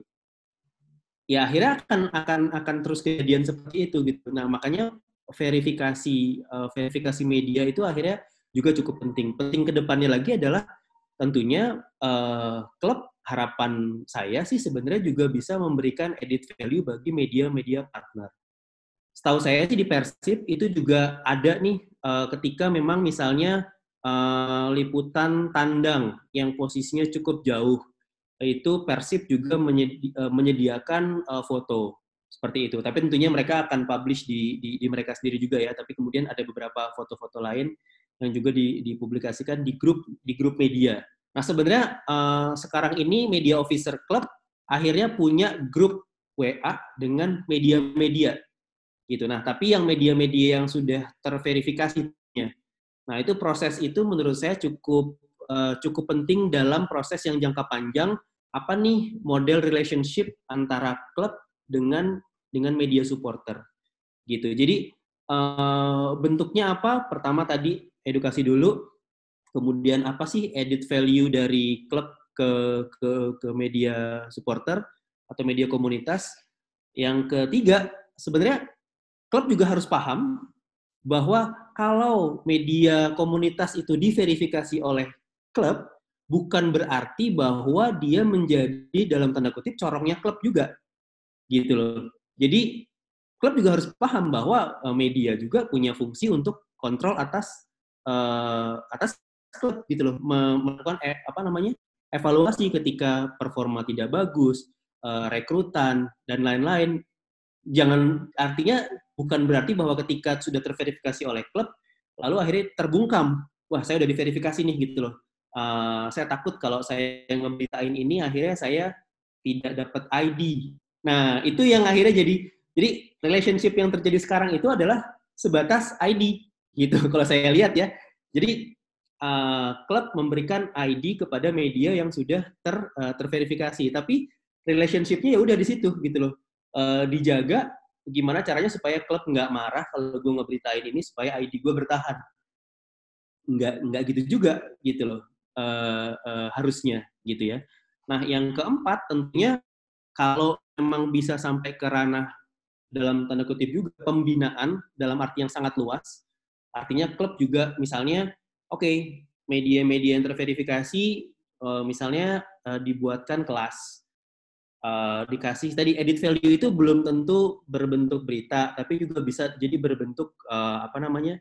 Bisa jadi berbentuk uh, edukasi lainnya gitu ya, pembinaan. Atau mungkin akhirnya uh, media komunitas juga diberikan akses kepada ekosistem uh, sponsor dari dari dari klub dengan dengan uh, dengan apa ya istilahnya dengan tidak ada kewajiban bahwa si sponsor juga harus membiayai media komunitas. Tapi satu, ketika kita dapetin uh, dapetin akses ke, ke ke arah sponsor minimal kita bisa nge-pitch sebuah idea. Itu yang yang juga menurut menurut saya menjawab tadi pertanyaannya Mas uh, Mas Irfan gitu. Gimana media-media di luar di luar tim empat besar tadi untuk untuk bertahan. Kalau misalnya ada sinergi situ juga gitu loh. Ada sinergi gitu. Posisi yang kelima adalah ketika akhirnya media klub tidak cukup kuat, media supporter atau media komunitas itu bisa menjadi mitra sinergi untuk menjadi konten kreator. Itu sih gitu.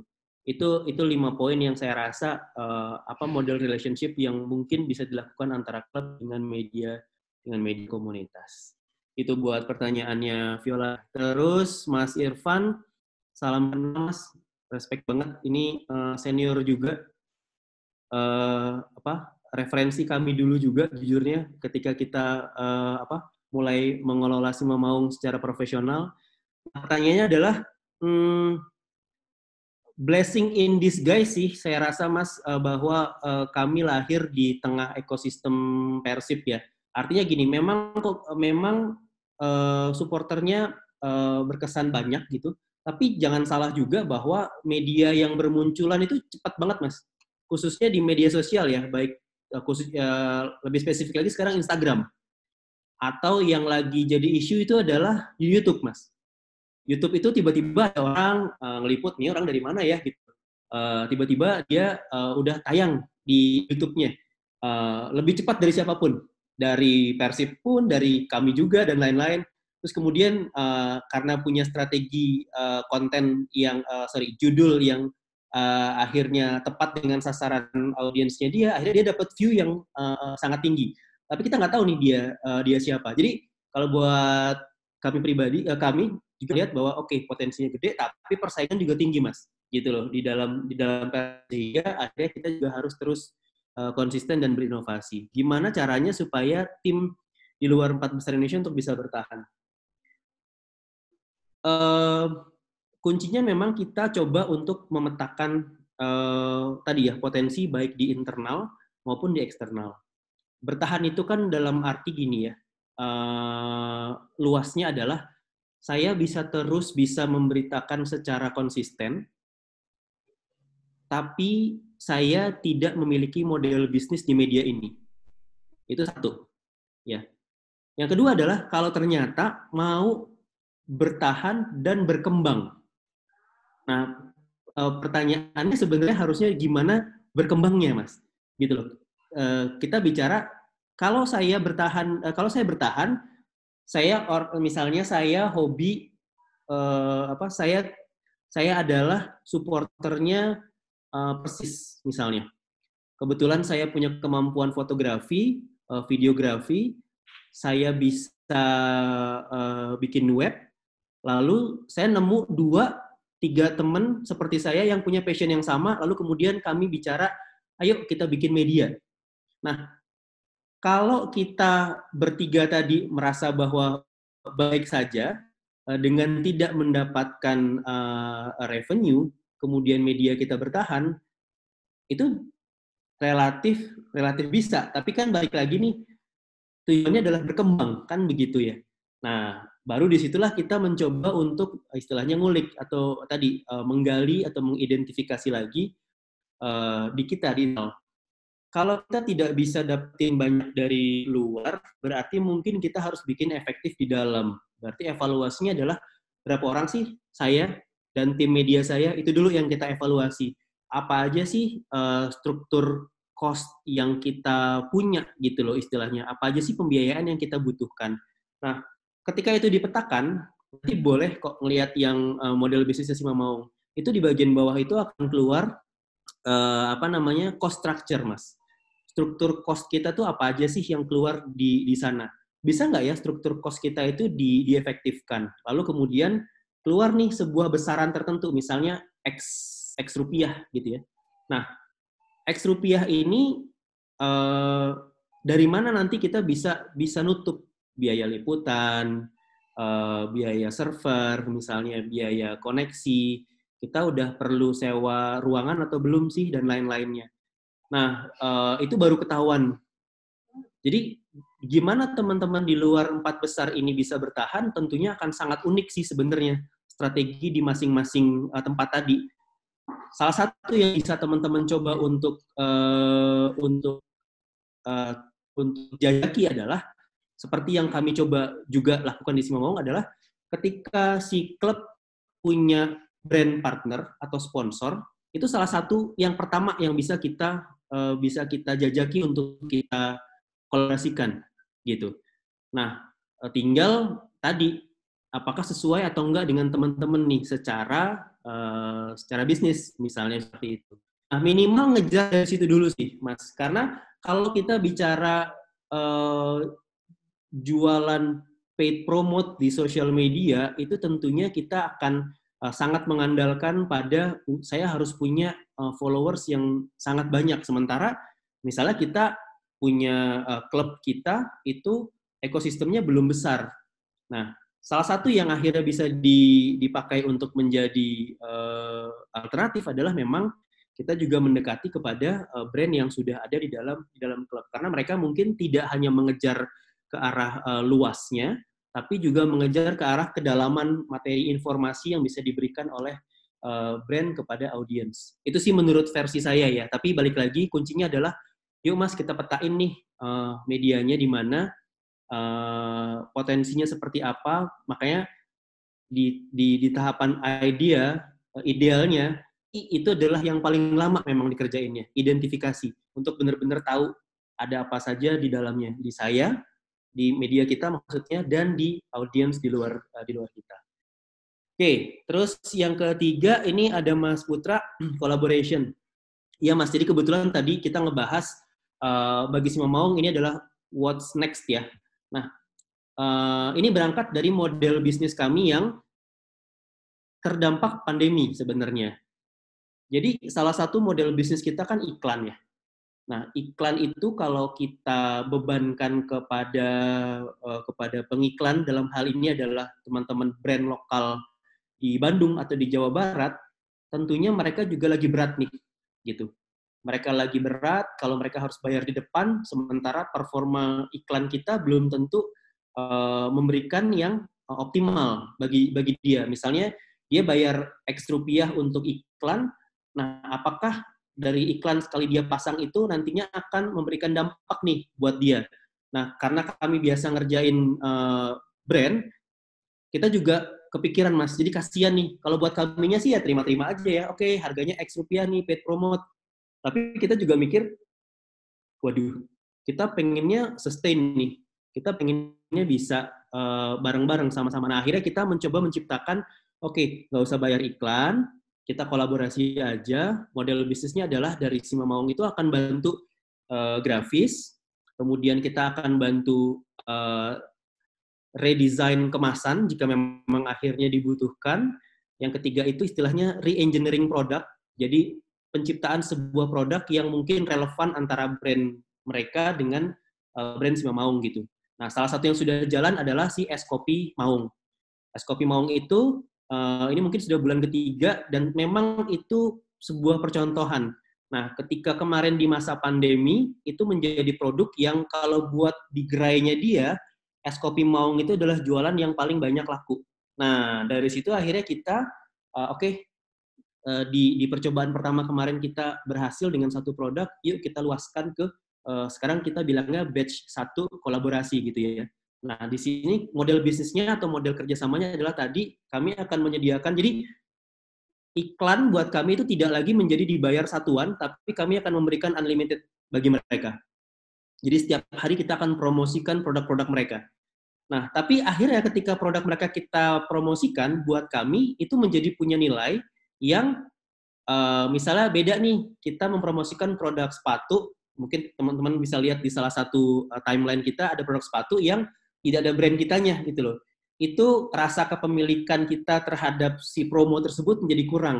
Tapi ketika nanti kita punya produknya eh, barengan, kita punya rasa kepemilikan, mereka juga akan terbantu. Nah, dari situlah kolaborasinya Mas. Nanti bentuknya adalah kita akan fair-fairan berdasarkan penjualan gitu. Jadi kita akan ada persentase dari penjualan yang akhirnya kita akan uh, kita akan ambil sebagai uh, sebagai apa namanya istilahnya biaya promosinya kita. Tapi hanya ketika produk terjual.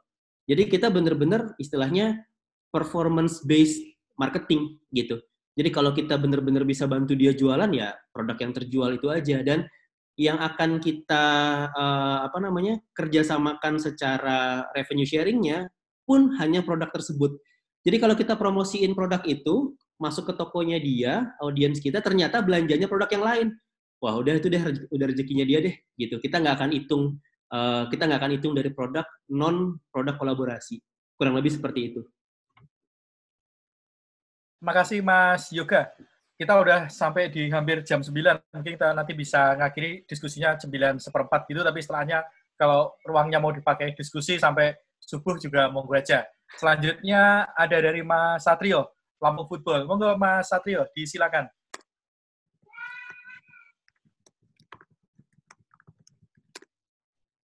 Silakan Mas.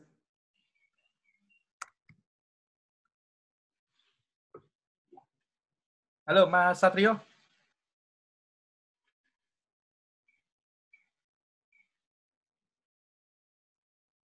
Belum ada respon. Monggo silakan teman-teman.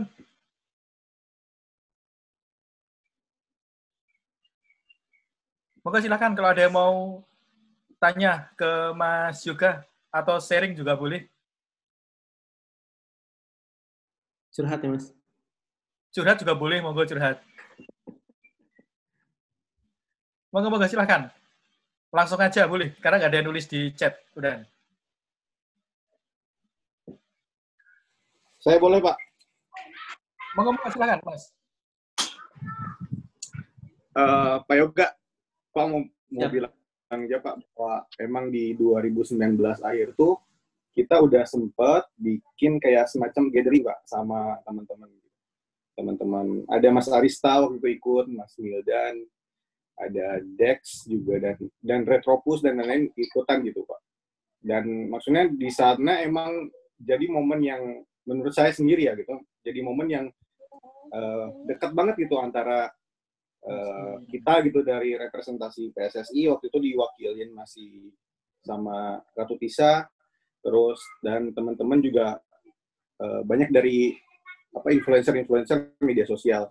Ada dari Instagram juga Garuda Revolution dan lain-lain. Dan menurut saya di situ momennya apa ya bikin kita memang dekat banget gitu pak. Dan jadi kayak nggak ada sekat gitu dan tapi sayangnya mungkin uh, sekarang kan apa lanskapnya berubah gitu ya pak. Secara politik lanskap lanskapnya berubah dan sekarang apa ya uh, agak susah gitu untuk membuat seperti kayak gitu lagi. Tapi mungkin nanti bisa diinisiasi lagi gitu untuk bikin acara misalkan gathering sama teman-teman atau ngopi bareng, ngobrol bareng antara apa teman-teman influencer atau teman-teman media uh, supporter dengan PSSI gitu pak. Uh, dan apa ya? Kalau dari Pak Yoga sendiri pak, uh, apa ya? Menurut Pak Yoga gitu, selain selain acara-acara yang non formal gitu juga gitu pak. Apalagi gitu pak yang bisa jadi insight buat kita gitu. Maksudnya sekarang kan maksudnya lepaskan dulu gitu. Maksudnya misalkan saya saya bukan dari PSSI gitu pak. Misalkan saya representasi dari brand atau dari klub gitu pak. Nah pengen lebih dekat sama media supporter tuh approach-nya tuh harus kayak gimana gitu pak? Ya, balik ya balik lagi ya. Jadi gini, kebetulan uh, lumayan lama juga nih di, di industri ini dan akhirnya uh, apa sedikit paham behavior lah. Nah, uh, ketika kita bicara uh, regulator, salah ya kita uh, kita bicara regulator dulu ya. Ketika kita bicara regulator, salah satu yang kita hadapi itu adalah uh, inkonsistensi kan. Inkonsistensi dalam arti ketika Gary punya program, tapi kemudian ke depan nih Gary udah nggak ada lagi, discontinue nih programnya. Nah, berulang aja terus kayak gitu. Jadi akhirnya kan uh, apa namanya uh, distrust itu akan relatif mudah mudah terjadi ya gitu. Makanya saya bilang memang sangat perlu ada gestur-gestur positif dari dari PSSI untuk untuk hal ini. Artinya gini, pertemuan informal, pertemuan formal, uh, memberikan edukasi, uh, kayak misalnya uh, gimana caranya kan Gary ini kan uh, sangat mendalami uh, algoritma uh, media sosial gitu ya. Nah, uh, bikin sharing bikin sharing session untuk teman-teman uh, media komunitas uh, seperti ini gitu ya, itu akan ada apresiasinya loh. Nah, tapi jangan salah juga, yang diapresiasi itu bisa jadi gerinya. gitu. Oh, Gary jagoan nih gitu loh. Oh, Gary ngasih kita ngasih kita materi yang yang oke okay nih gitu loh istilahnya. Nah, gimana dengan dengan regulatornya? Memang akhirnya perlu ada gestur gitu. Nggak nggak nggak bisa nggak bisa enggak gitu loh. Karena orang akan melihat PSSI gitu misalnya. PSSI siapa? kan itu akhirnya jadi sebuah hal yang cukup natural ya terjadi gitu loh hmm. pas, pas zaman siapa ya gitu loh jadi nggak bisa misalnya oh saya punya hubungan baik dengan PSSI nah itu menjadi sebuah uh, uh, kalimat itu menjadi sebuah kalimat yang punya batasan waktu kebayang nggak jadi saya iya. punya hubungan baik dengan PSSI sekarang dulu atau kapan gitu loh bayang nggak itu kat, uh, sebuah kalimat yang tidak berusia panjang ya Hmm. Jadi akhirnya memang hmm, apa namanya memang harus ada usaha-usaha positif ya di, di di sana gitu loh. Secara media sosialnya sendiri juga ya kita kan cukup terbiasa ya kalau kita sebagai mungkin kalau buat buat kami si mau memention Ong Isnade, memention uh, emosi jiwaku itu menjadi satu hal yang nggak ada nggak ada nggak perlu ada aturan gitu loh. Tapi ketika kita bicara misalnya uh, at PSSI, kemudian mengapresiasi at emosi jiwaku, itu akan uh, ada sesuatu nggak ya gitu loh. Pasti akan ada uh, akan ada pemikiran seperti itu juga gitu loh istilahnya. Padahal ya balik lagi tadi kita bilang bahwa uh, idealnya memang ini bisa diperankan sebagai untuk komunikasi dua arah juga gitu loh. Yeah. Jadi uh, secara secara aktif pun bukan hanya tadi gestur satu hal, yang kedua implementasinya apa nih gitu loh. Bahwa oh kita bisa cukup cair nih. Oh karena kita udah tahu uh, udah tahu emosi jiwaku siapa gitu loh misalnya oh Nade siapa gitu istilahnya. Nah, tapi jangan sampai juga kejadian bahwa kita tahu kita tahu Ong, Ong Isnade siapa, tapi Ong Isnade nggak tahu siapa PSSI-nya. Nah, itu kan yang akan kejadian nih. Tadi saya bilang, oh saya punya hubungan baik dengan uh, yang lagi megang akunnya PSSI. Nah, itu ada ada ada tanda pengenal waktu, now gitu misalnya. Atau seminggu yang lalu gitu misalnya. Jadi uh, umurnya tidak tidak sayangnya menjadi menjadi seakan-akan tidak panjang gitu. Siapa? Gitu. Terima kasih Mas Yoga, Mas Giri juga. Monggo teman-teman, kalau ada yang mau ngobrol lagi silakan di sesi formal kita ini. Cukup, Mas Iwe, bagaimana? Mas Wajar, aku mau nanya uh, dikit ya. Uh, terima hmm. kasih. Mas Yoga, uh, ya. kebanyakan dari kita kan berawal dari rasa cinta kita kepada klub ya. Jadi membuat media ini bukan demi bisnis ya. Padahal tantangannya mengelola bisnis kan luar biasa ya. Terutama tentang bagaimana kita mendatangkan revenue. Nah, background kita kebanyakan itu kan nggak di media ini. Jadi media ini cuma sebagai sambilan. Jadi ketika kita sibuk sama pekerjaan utama kita, media kita akhirnya terbengkalai. Nah, hmm. bagaimana kita bisa akhirnya uh, kayak Mas Yoga kan sekarang sudah fokus ya ke si Mamau misalnya. Nah, bagaimana teman-teman ini uh, dari yang apa uh, pekerjaan utamanya, akhirnya nanti dia bisa mengelola media ini benar-benar mencurahkan uh, tenaganya buat media ini. Ini bagaimana? Mungkin bisa diceritakan pengalaman waktu itu. Ya.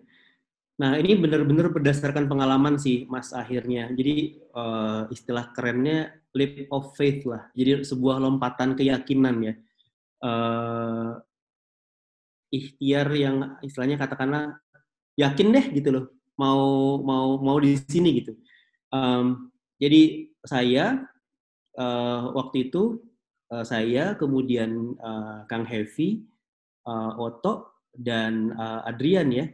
Nah tiga tiga partner saya inilah yang sebenarnya jadi uh, otak awalnya si Mamaung gitu loh. Saya malah uh, join agak agak lebih terlambat daripada mereka. Tapi saya masuk itu sebagai motor uh, motor bisnisnya lah kata kasar seperti itu karena mereka butuh mereka mereka paham untuk konten mereka paham sosial media dan teknisnya tapi kemudian ketika harus ngerunning uh, bisnis akhirnya uh, uh, saya masuk ke sana. Tapi saya pun juga berlatar belakang media gitu ya uh, TV radio dan lain-lain dan selalu memang di Persib gitu. Nah mereka bertiga ini sebenarnya sudah per, sudah kerja mas di kerjaan yang lain gitu loh.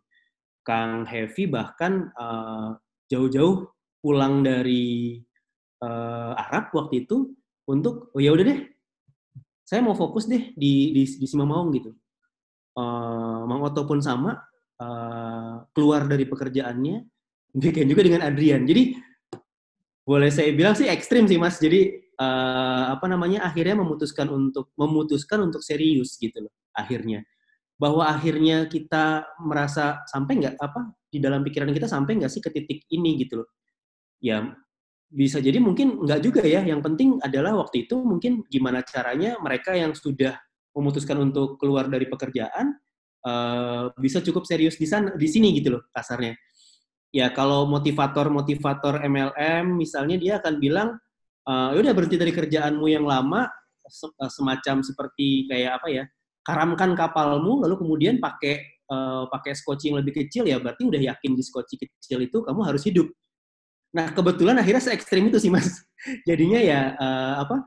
Ketika kita sudah tidak punya lagi apa-apa, uh, oh ya udah saya bisa masih bisa sambil kerja ini kok media masih bisa ini. Nah jatuhnya jadi malah jadi jatuhnya jadi mentalitasnya akan seperti itu. Jadi nggak akan pernah serius ya sampai ke misalnya ada juga teman media yang hmm, dia masih kerja di sini, akhirnya dia pakai uangnya untuk membiayai tim. Nah, akhirnya ya teman-teman founder jadi investor gitu. Mungkin teman-teman tidak keluar dari pekerjaannya tapi uh, meng-hire orang-orang yang uh, profesional untuk tetap mengerjakan medianya. Tapi uh, apa? Tentunya pasti akan ada yang hilang lah. Biasanya taste ya.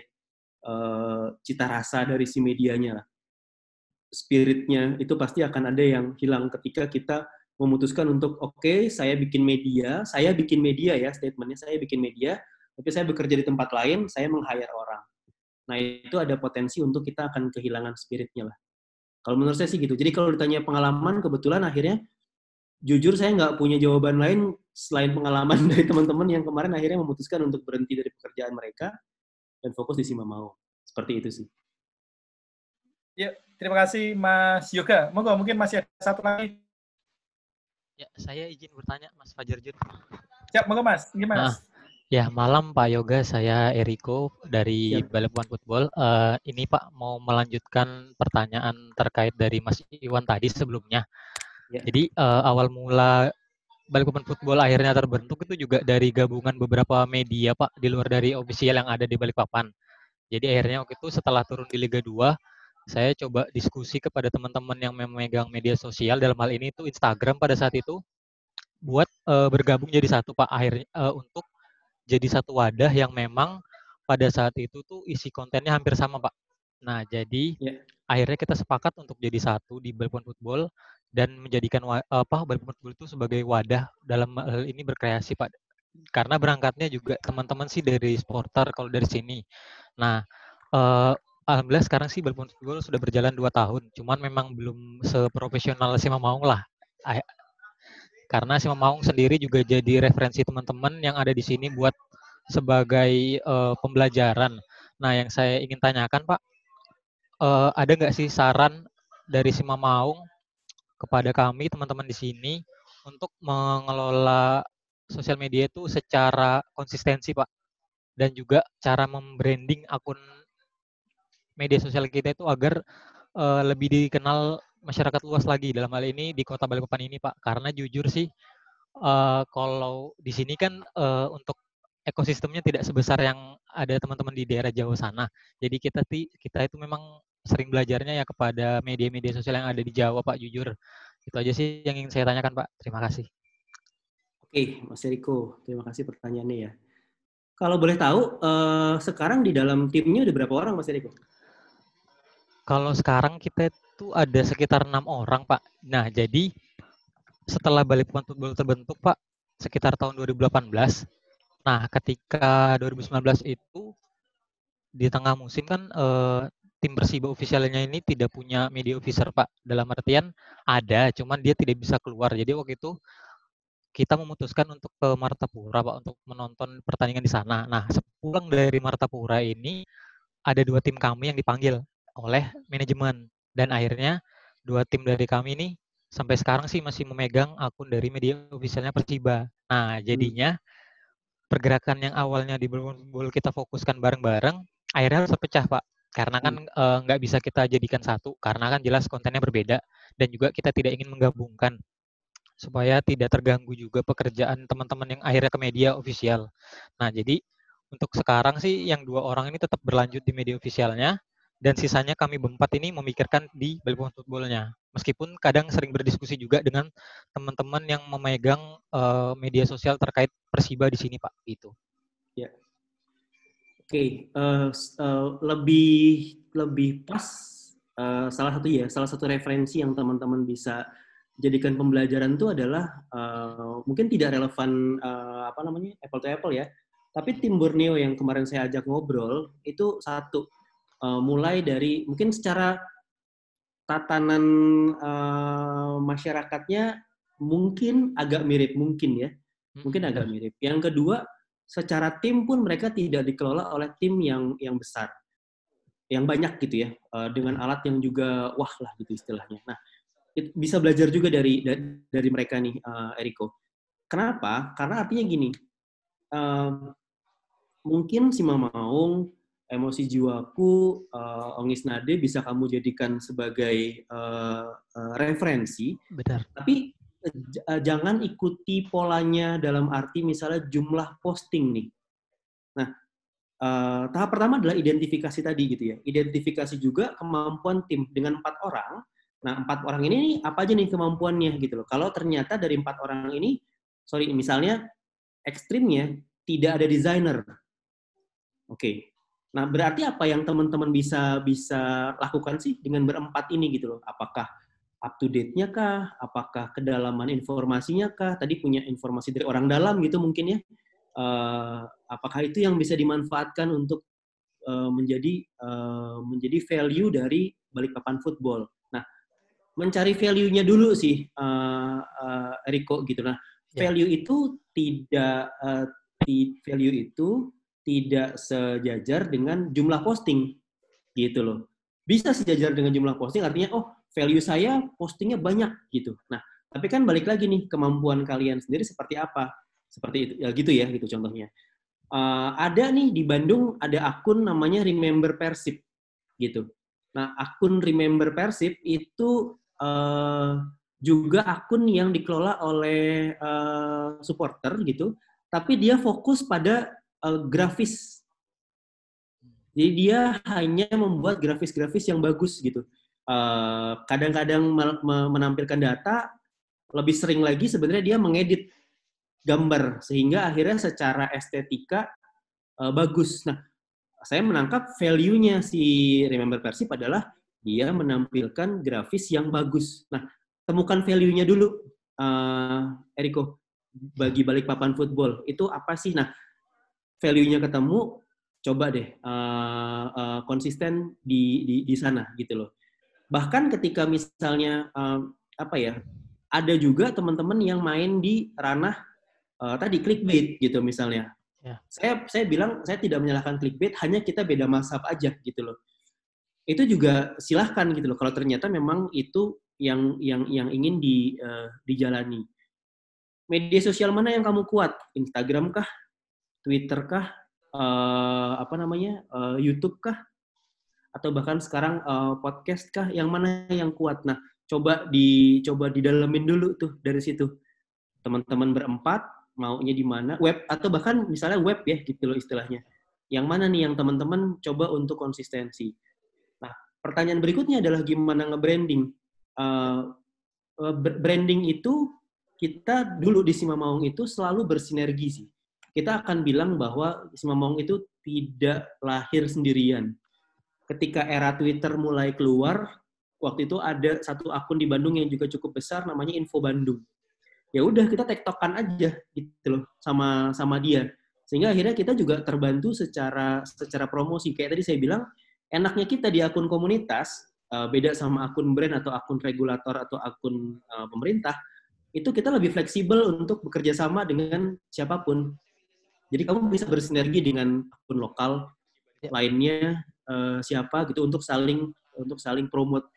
Zaman Twitter dulu ada hashtag FF Follow Friday. Nah itu kita sering banget tuh uh, apa namanya mengaktifkan itu gitu loh. Dan mungkin ada satu karakter di Sima Maung yang akhirnya membuat dia punya hmm, apa ya punya kekhasan adalah tadi two way communicationnya. Jadi admin kita nih salah satunya yang tadi saya bilang uh, karena lama kerja di Arab gitu ya, bahasa Arabnya bagus banget gitu.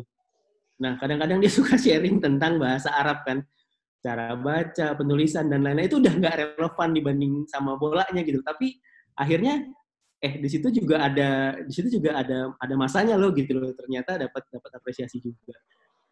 Tapi lagi-lagi itu dibentuk setelah kita tahu karakter medianya mau jadi uh, kayak gimana gitu kok. Baik, siap. Terima kasih Pak Yoga siap, untuk sharingnya.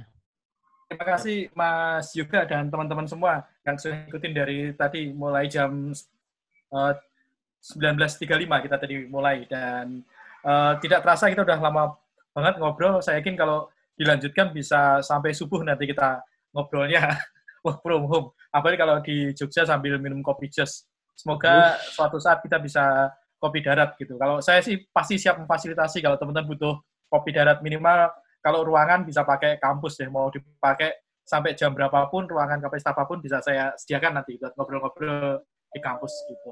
Uh, ada teman-teman di Jogja juga siap menyambut pasti. Ada Mas Miguel dari Gantigul juga yang masih gabung sampai saat ini, terus teman dari Yodap juga. Uh, teman-teman, uh, selanjutnya kita tutup diskusi kita secara formal sekali lagi kami mengucapkan terima kasih sekali pada teman-teman semua yang sudah bergabung di acara kita perdana ini. Semoga silaturahmi kita tetap terjaga mengikuti Mas Yoga tadi kolaborasi is the future, kolaborasi bahkan not the future mungkin sudah present dari sekarang kita sudah harus mengawali uh, gagasan kolaborasi itu tidak hanya menjadi wacana tapi menjadi praksis dalam kehidupan keseharian kita bermedia dan berjejaring. Uh, sekali lagi Mas Yoga Hatur nuhun, terima kasih sekali sudah berbagi luar biasa. Tidak terasa mungkin sudah seperti lima, lima, enam SKS, enam SKS ini, enam SKS malam ini gitu.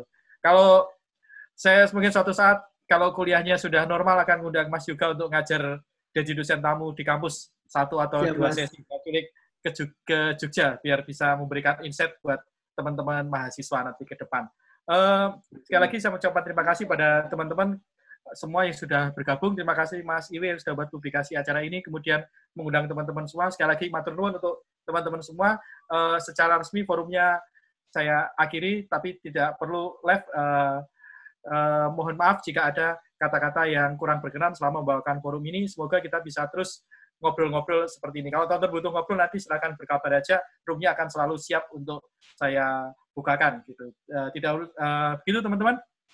Sekali lagi matur nuwun. Terima kasih sekali. Assalamualaikum warahmatullahi wabarakatuh. Waalaikumsalam warahmatullahi wabarakatuh.